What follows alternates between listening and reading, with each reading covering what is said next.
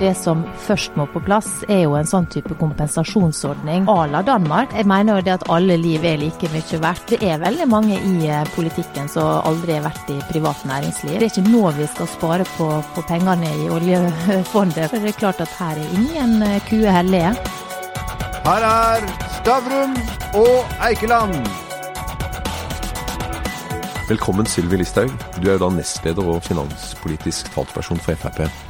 Er det riktig å ofre en hel generasjon for å redde gamle syke? Nå har vi jo nettopp hørt fra helsevesenet at det ikke bare er gamle og syke som blir rammet av dette viruset her. Eh, tvert imot så ser man nå at eh, også mange yngre eh, blir alvorlig syke og også dør, som har vært friske i forkant. Og det er jo sånn at vi som samfunn, uansett alder, må bestrebe oss i å legge til rette for å redde flest mulig liv. Så er det jo viktig at når vi ser den eh, slagkrafta dette her har på økonomien, at vi gjør mest mulig nå for å redde flest mulig bedrifter gjennom denne kneika. Selv om alle frisører nå er stengt ned, så er det ingen tvil om at når dette er over, de kan åpne, så er det mange av oss som gleder oss til å komme til frisøren. Det er et stort marked for dem også videre.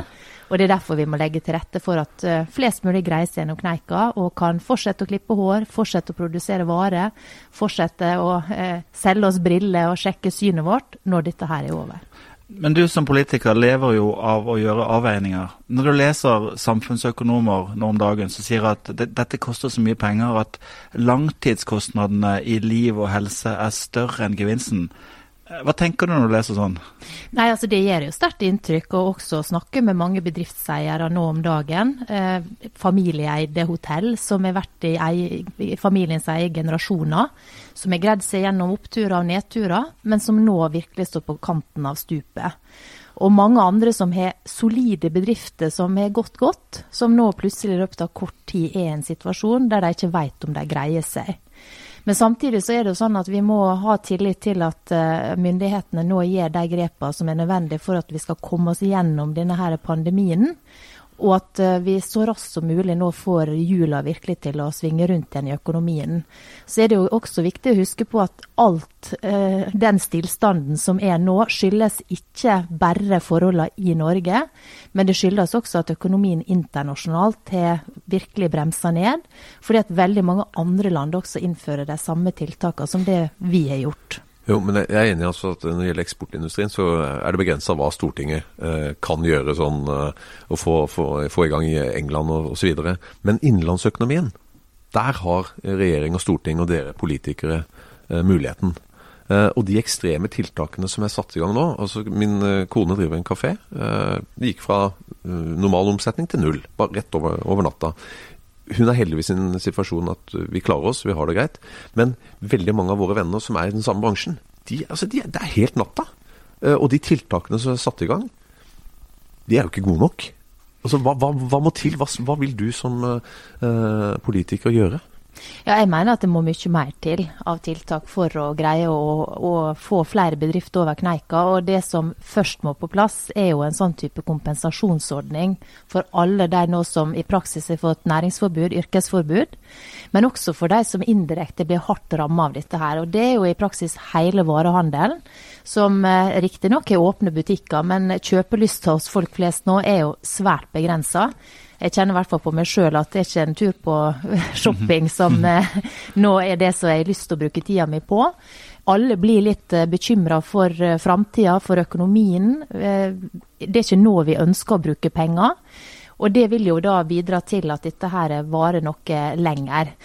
Og som jeg sier, så tror jeg at denne krisa her kan bidra til at alle i Norge, eller i hvert fall flere, blir sunnmøringer. At man blir opptatt av å ha litt på kistebunnen. Eh, fordi man ser hvor utrolig fort verden kan endre seg fra en dag til en annen. Eh, som, som, rett og slett er skremmende. Og, det å se nå at nesten 300 000 mennesker har eh, vært på Nav, permittert, mista jobben. Altså, Den redselen som er i mange familier blant mange mennesker nå, det er noe som i hvert fall jeg føler veldig på. Fordi at det som har vært en sikker bunnplanke i livet, at du har hatt en trygg jobb, trygg inntekt, plutselig er borte for mange. Og Derfor føler jeg et så enormt stort ansvar på at vi skal gjøre det vi kan som politikere nå til å få Norge gjennom denne krisa. Det er ikke nå vi skal spare på, på, pengene i oljefondet, for å si det sånn, eller de, de mulighetene vi har som samfunn, som et rikt land. Eh, nå må vi bruke penger for å komme oss gjennom dette her, for ellers så kommer regninga til å bli veldig mye større. To, to konkrete ting. Eh, eh, vi kan begynne med den danske løsningen, hvor jo i Norge har vi jo til nå på en måte stilt opp med lån og lånegarantier som gjør at, måte, at for at gjelder næringsliv enda mer for gjelda etterpå. Mens i Danmark har man gitt penger for å kompensere kostnader. Er det det vi som skal til? Det må også til. Altså jeg mener Både det å stille til veie eh, mulighetene for å få lån, men også kompensasjon. Og veldig mange av de bedriftene i Norge er jo sånne som går fra hånd til munn. Altså De har ikke lån, men de går eh, rundt. Eh, jeg har vel hørt noe tall på 450 000 bedrifter er i den kategorien. Og det er familier, enkeltpersoner som driver sin egen virksomhet, brødfør seg og sin familie. Og som vi er avhengig av også er der etter at denne krisen er over. Så det å få på plass en kompensasjonsordning à la Danmark, så må vi se på innretninga og alt sånt. Men det er noe av det aller viktigste nå. Og det er både for de som har fått yrkesforbud, og de som indirekte blir veldig hardt ramma av krisen. Et annet konkret spørsmål, og da kan du ta utgangspunkt i, i vår egen arbeidsplass, Nettavisen. Det har jo aldri vært mer aldri vært mer behov for journalistikk disse, enn i disse dager. Men samtidig så er jo inntektsgrunnlaget borte for mange aviser. Eh, reaksjonen for mange bedriftsledere vil jo være å permittere folk. Altså vi, vi, vi får penger fra staten for å sende folk hjem som permitterte, istedenfor å få penger av staten, like mye penger for å ha det i arbeid. Mm. Eh, kunne vært verdt å se på permitteringsreglene. Altså Vi må jo hele tida vurdere reglene om vi skal gjøre endringer. Men det er klart at da kan du jo også få den situasjonen da at en mange bedrifter da ville brukt denne ordninga til å få delvis eh, betalt lønna, eh, og som kanskje ikke hadde vært i en posisjon i utgangspunktet til at man ville permittere. Eh, og det tror jeg vi bare må ta inn over oss at uansett hvilke ordninger vi velger, så vil det ha oppsider, og det vil ha nedsider. Og det er helt åpenbart at den løsninga som Stortinget kom fram til, med at du da har en veldig kort periode der bedriftene skal betale for permitteringer, eh, bidrar til at kanskje flere permitterer raskere. Så, men der tror jeg vi bare må leve med at uansett hva vi velger, så, så kommer det til å, å, være noen sånne utslag. Men så langt så har vi i hvert fall valgt den permitteringsløsninga. Og, og, det var jo det som også næringslivet og eh, arbeidstakerne etterspurte. Men det høres jo litt absurd ut at vi betaler penger eh, for å få folk ut i arbeidsledighet, når de faktisk kunne gjort noe. Eh, og vi vet jo hvor skadelig det er å være arbeidsledig. Absolutt. Men det er klart det som sier, hvis vi skulle hatt en sånn type lønnstilskuddsordning, så ville det også hatt sider ved seg som gjorde at man kunne få da mange som utnytter et sånt system til å kunne la staten å dekke deler av lønna, sjøl om man kanskje i utgangspunktet ikke hadde behov for det. Men jeg tror at vi kommer til å diskutere ulike tiltak framover. Eh, for at dette kommer til, uansett om man får kontroll på pandemien, så kommer situasjonen til i økonomien til å vare lenger. Nettopp fordi jeg tror at eh, selv om pandemien er over, så vil mange være bekymra for økonomien videre. Eh, og pengene kommer nok sikkert ikke til å sitte så løst hos folk. Som igjen selvfølgelig gjør at kona di på kafeen får færre kunder, færre kjøper nye klær, færre reiser. Og, og det er jo også et spørsmål når kommer reiselysten tilbake? Eh, det er ikke det første vi tenker på nå om dagen, at vi skal ut og oppdage verden. Fordi vi ser hva slags ja, eh, hva, hva, hva følge det kan få. Mm. Eh, så det er mange ting som kommer til å komme i kjølvannet av dette her. Og hvordan verden blir videre, det er faktisk vanskelig å si akkurat nå. Men, men veldig konkret da på det i Danmark. For dette, vi hadde han eh, Nils Holger Kofod, en av Norges fremste konkursadvokater, her nå i, på fredag. Eh, og Han sa at det er jo en fantastisk bra løsning. altså Det med å dekke de faste kostnadene. for da, Særlig da med 100 så er det for de da som må stenge. altså De som ikke kan ha oppe. Og så har du de som kan ha oppe, men hvor omsetninga er borte. Så må man finne en sånn fin løsning på, på hvor mye man dekker der. Men da holder man hjulene i gang. Da får man iallfall minska den dominoeffekten. For dominoeffekten er jo det, det er jo den farlige her. Mm. For dette nå plutselig så er det jo uh, huseiere som ikke klarer å betjene låna sine, og så må de si opp folk, og så er det leverandøren som ikke får betalt. Altså, altså, du har jo den der dominoeffekten. Hva syns du konkret? Er det en god løsning? Ja, en sånn kompensasjonsordning må vi ha på plass. Og så er jo noe av utfordringa eh, som kan være med en, en, sånn ordning der du skal på krona eh, gå inn og dekke akkurat 100% være at da vil det ta lang tid å saksbehandle. Særlig hvis det kommer titusenvis eller jeg skulle si hundretusenvis av bedrifter som søker på ordninga. Og Derfor så er det dette behovet for å ha en, en ordning som du lett kan administrere, eh, raskt og effektivt kunne betale ut pengene Eh, som, som, er den kombinasjonen som du må få til på en god måte. Eh, men, men, en sånn kompensasjonsordning det må vi ha på plass. Og akkurat hvordan den skal se ut, det, det vil vi se nå hva regjeringa legger fram først. Eh, det kommer nå på fredag, det?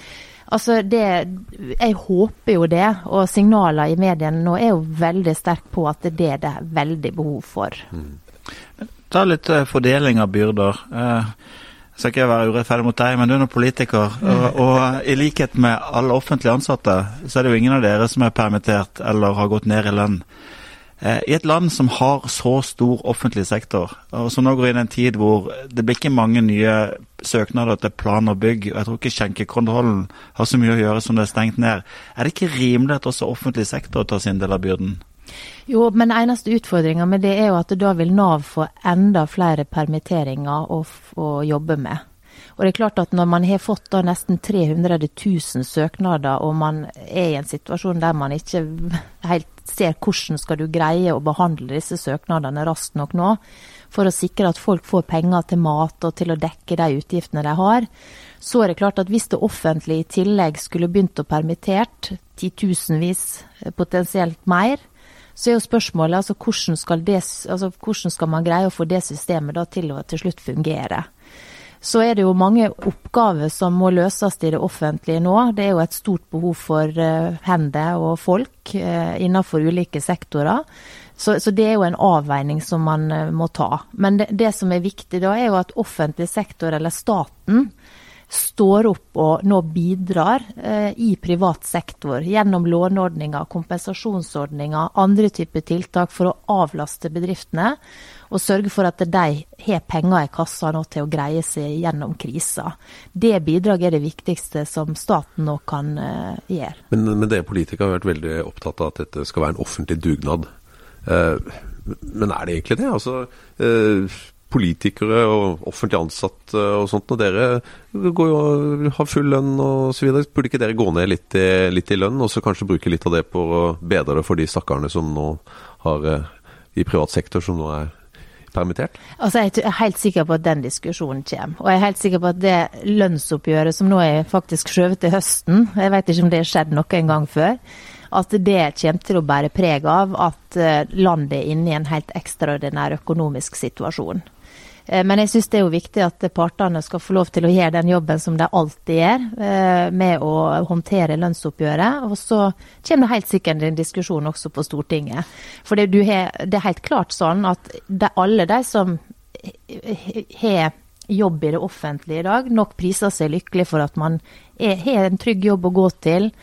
Eh, pengene kommer på konto, og at kontrasten til de som er i privat næringsliv og som nå er permittert, oppsagt, sitter som bedriftseier og jobber natt og dag for å redde bedriften, den kontrasten er veldig, veldig stor.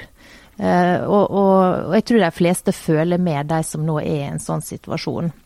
Så det vi kan gjøre da, er i hvert fall å gjøre det, uh, alt vi kan for å redde bedriftene, og for å sikre at folk har en jobb å gå tilbake til når uh, dette her forhåpentligvis så fort som mm. mulig er over. Jeg tror mange i privat sektor er litt redd for at, eh, at rådgiverne til politikerne, Finansdepartementet, for den saks skyld også politikerne, egentlig har, har, levd hele livet i offentlig sektor og ikke ser egentlig privat næringsliv sine problemer. Eh, er det en, er en begrunn, begrunna frykt?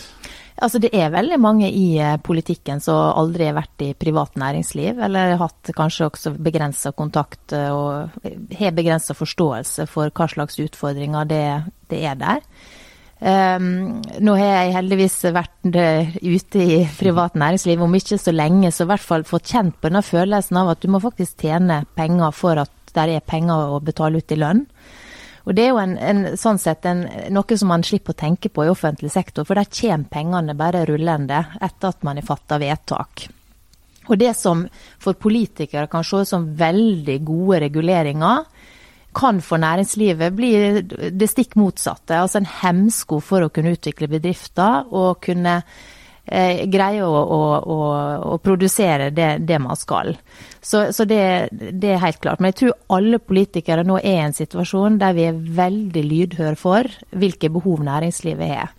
Og vi mottar massevis av henvendelser hver eneste dag fra ulike bedrifter som har gode innspill til hva som trengs.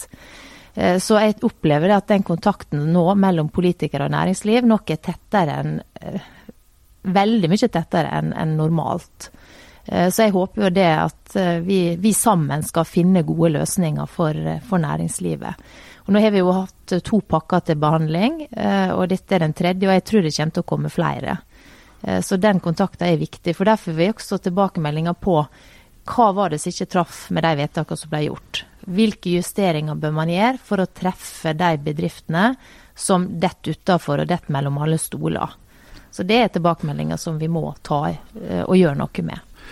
Du har jo eh, en yrkesbakgrunn hvor du også har jobba på aldershjem, og du har, mm. du har, vært opptatt av de eldre situasjonen. Ja. Eh, hvordan reagerer du på det første spørsmålet du fikk i dag, nemlig på en måte er det verd å redde livet til disse gamle folkene når mange unge og næringslivet taper. Syns du det er et umoralsk spørsmål? Nei, altså Men, men jeg, jeg, jeg, mener jo det at alle liv er like mye verdt. Og, og, disse eldre i Norge Vi har alle våre som vi er glad i. Og de betyr så utrolig mye for oss. Og derfor så skal samfunnet gjøre det de kan for å redde liv. Enten de er gamle eller unge. Eh, så det er utgangspunktet. Men så mener jeg jo også det at vi som politikere da har et stort ansvar nettopp for å begrense skadevirkningene som denne krisa har. Fordi at det klart kommer oss ut her med rekordhøy arbeidsledighet, så vil det ha store konsekvenser for mange familier, enkeltpersoner, for barn som vokser opp i disse familiene. Eh, og det å mangle inntekt, det å kanskje, hvis dette varer over tid, ikke være i stand til å sitte på huset ditt eller leiligheten eller eh, få store problem, det kan også balle på seg andre problem. Sånn at i en sånn krise så kan det komme så mange problemer i kjølvannet av den, som gjør at vi må prøve å redde mest mulig. Men uh, hvis du ser på Kina, da var det tok det vel en seks uker uh, før det begynte å snu. Mm. Uh, I Italia så har det gått nå fem uker. Kanskje vi ser tendensen til at det begynner å snu der også. Mm. Og så si at det samme skjer i Norge, og kanskje, kanskje enda fortere fordi vi er litt mindre osv.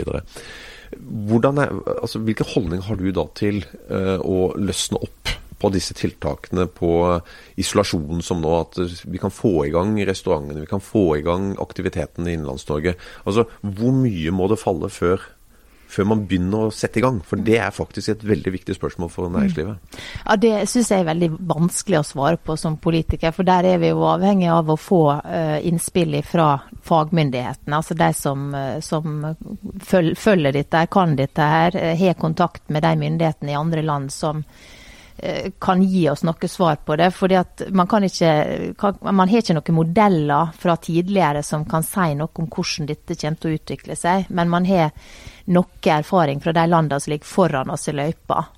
Så det, det, mener jeg er viktig at vi overlater til, eh, til, eh, helsemyndighetene. Men selvfølgelig oppi det hele så er det også viktig, og det, det har jo tiltro til at regjeringa eh, gjør, at de også ser på de økonomiske konsekvensene, så han har et sånt helhetsbilde.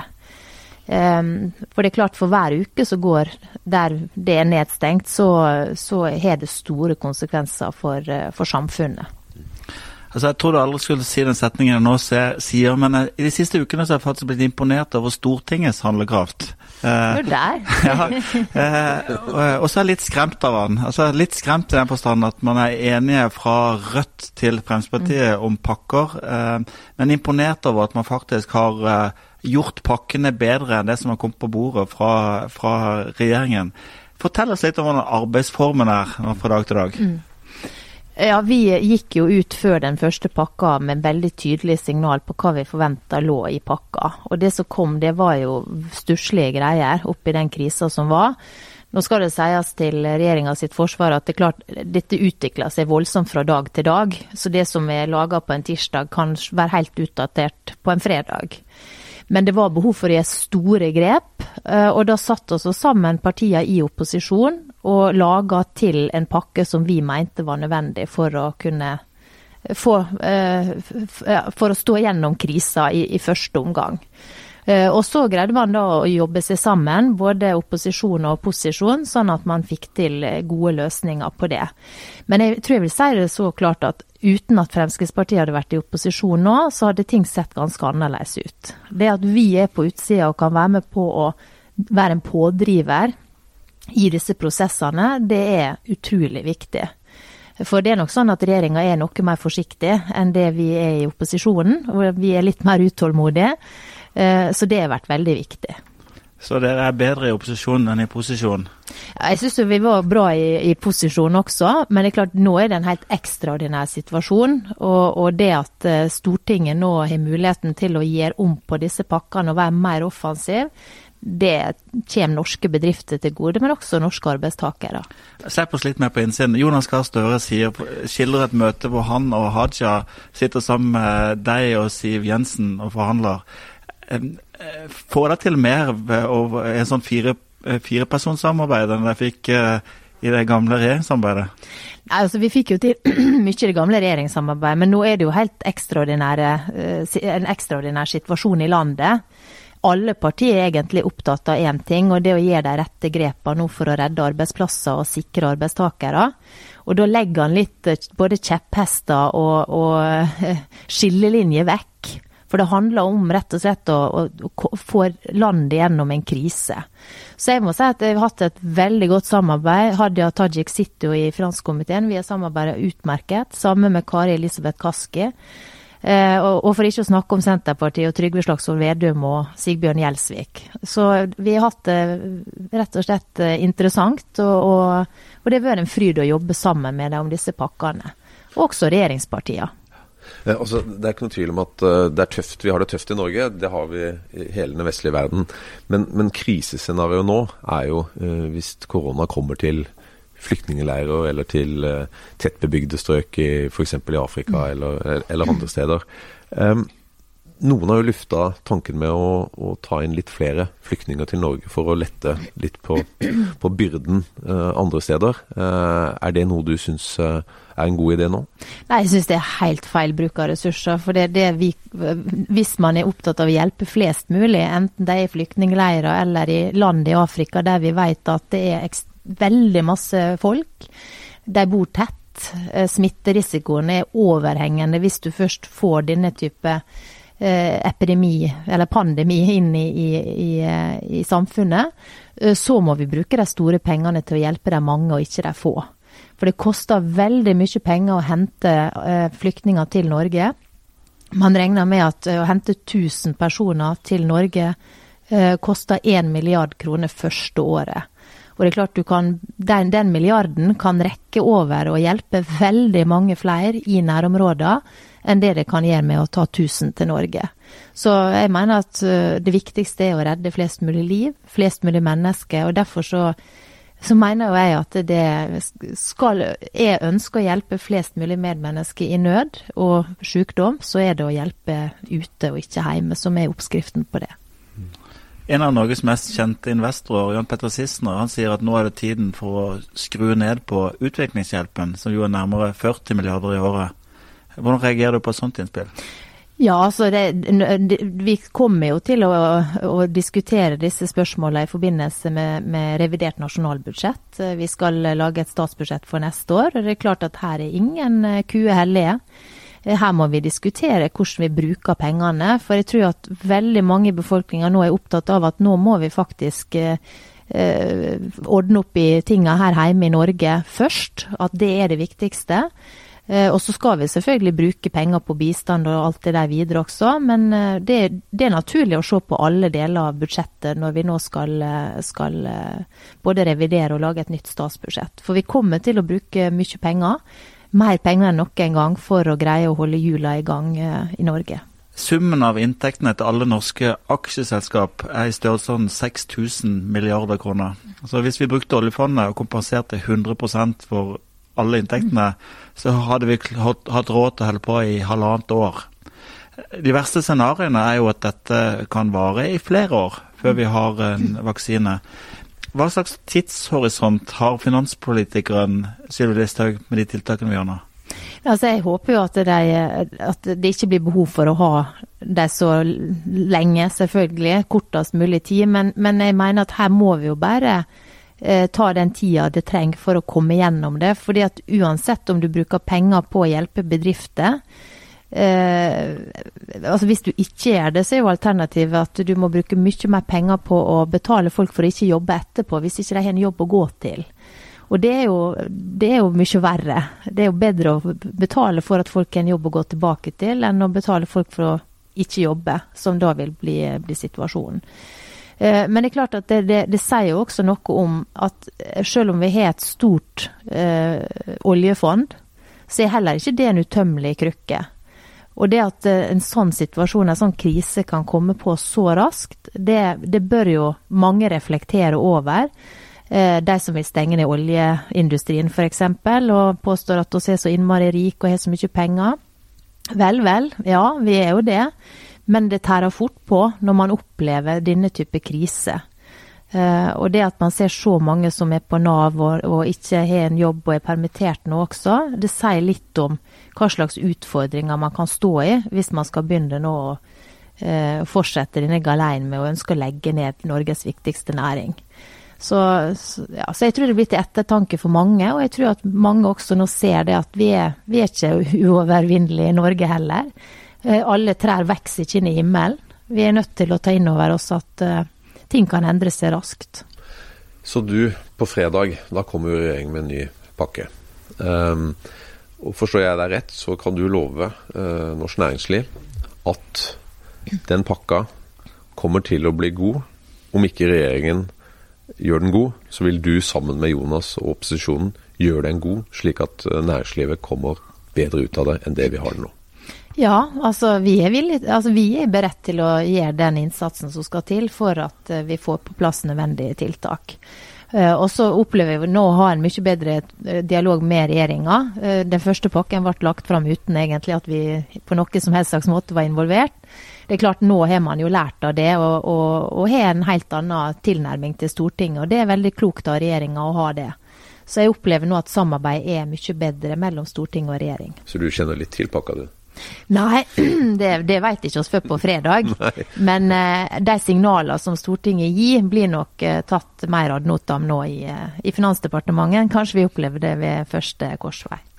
La oss, for ikke å grave oss helt ned, la oss se litt, litt framover. Eh, det er klart Verken du eller vi eller helsemyndighetene vet når dette er over. Eh, men eh, vi kan gjøre noen refleksjoner om hva dette kommer til å gjøre oss, med oss på litt lengre sikt. Mm. Vi, jo, vi, er jo avhengig av oljen, som du sier, men vi er også avhengig av billig import fra Kina. Mm. Eh, og kan vi ha et samfunn som gjør at vi hvert år kan risikere å få pandemier fra virus, fra dyr overført til mennesker fra Kina? Eller må vi gjøre noe varig med måten vi handler på, måten vi er globale på, måten vi reiser på? Hva tenker du om det? Altså, jeg tenker at jeg tror mange nå framover kommer til å tenke seg mer om før man, eh, man, reiser ut i den store verden. Altså at reiselysten kanskje blir noe mindre, i hvert fall i en periode. Um, og at det, som jeg sier, at vi kommer til å være mer opptatt av å ha litt mer buffer, litt mer uh, på kistebunnen, sånn som gode sunnmøringer har. Mm. uh, så jeg tror det kommer til å endre verden og måten oss, uh, oss lever på. Men det er klart at det, ehm, det kommer, altså verden kommer fremdeles til å handle med hverandre. Og det er jo viktig at man gjør, for det er jo noe av utgangspunktet for den velstandsutviklinga som har vært det å løfte milliarder ut av fattigdom, det er det jo markedsøkonomi, det at vi handler eh, med hverandre, som er bidratt til. Men så må vi jo også sikkert i etterkant av dette se på dette med beredskap. Om vi kanskje har overlatt for mye produksjon ut, eh, ut av landet, ut av eh, Europa. Det kommer helt sikkert til å komme en diskusjon rundt dette med medisiner, vil jeg anta. Eh, der eh, veldig mye produseres ute, eh, og der vi er sårbare i en sånn, i en sånn situasjon. To, to meningsløsheter er jo at ikke vi har, selv ikke Sunnmøre har noen store lagre av munnbind. Ja, og vi har bare noen få hundre respiratorer i mm. Norge. Mm. Det, er jo, det, er jo, litt vanvittig. Ja, jeg tenker det er sånne type ting vi kommer til å måtte ha en diskusjon på når dette her er over. Altså hvor godt rusta er vi framover. Men så er det jo ofte sånn at eh, når du står oppe i en krise og du skal lære å evaluere av den, eh, så forbereder du deg på en ny type krise som er lik den du da har hatt. Og så kommer det alltid en ny krise som er annerledes enn alle de du har hatt tidligere. Derfor er det vanskelig liksom å, å, å, greie å um, ta, ta, høyde for absolutt alle eventualiteter, men at beredskapen må bli bedre, det er det ingen tvil om. Um, og, og, og, akkurat den krisen her har vi hatt noen ganger før, altså pandemier. Eh, så akkurat denne kunne vi på en måte vært forberedt mot litt bedre. Ja, det har man jo hatt, og det har jo vært mye mindre alvorlige eh, epidemier, men som er gått raskere over. Men eh, det er klart at eh, dette kommer nok til å få konsekvenser for måten han tenker på, på, på dette området, det er helt klart. Donald Trump og Erna Solberg de har hatt litt ulike tilnærminger til koronaviruset. Mm. Hvem har hatt den beste tilnærminga? Nei, altså jeg synes jo det at eh, etter hvert når den norske regjeringa kom på banen, det tok litt tid, det tror jeg mange etterlyste, så syns jeg jo det man har tatt grep om denne situasjonen. Og så tror jeg det at det, hva som er riktig og galt, eh, det vil vise seg etter at vi er kommet gjennom det. Altså det, det enkleste vitenskapen, det er å være etterpåklok. Det er ekstremt lett. Men det å vite hva som er rett når du står oppi det, det er veldig vanskelig.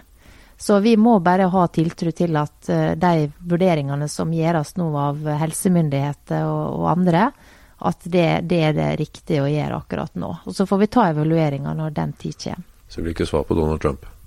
Nei, altså han har vel hatt mange forskjellige tilnærminger. Etter det så det begynte på ett vis, og så gikk han over til en mer restriktiv linje. og Nå er han vel på glid med å åpne opp igjen. Eh, til så, påske? til påske, ja. Så det, men jeg, jeg, tror vi skal i hvert fall nå følge de norske rådene, og så får vi evaluere etter hvert hva som er riktig eller galt å gjøre. Det er jo fristende å dra fram et annet eksempel. Hva syns du om svenske tilstander? ja, de svenske tilstandene. Eh, ja, nei, altså, de har valgt en annen tilnærming igjen. Men det vi i hvert fall registrerer, er at det er mange land i Europa som har valgt egentlig den samme linja som Norge. Og det er klart Å se på det som har skjedd i Italia, er jo veldig skremmende. Og nå også i Spania, eh, der man har store eh, dødstall hver, hver eneste dag. Så det er klart at vi får virkelig håpe at vi ikke opplever sånt i Norge.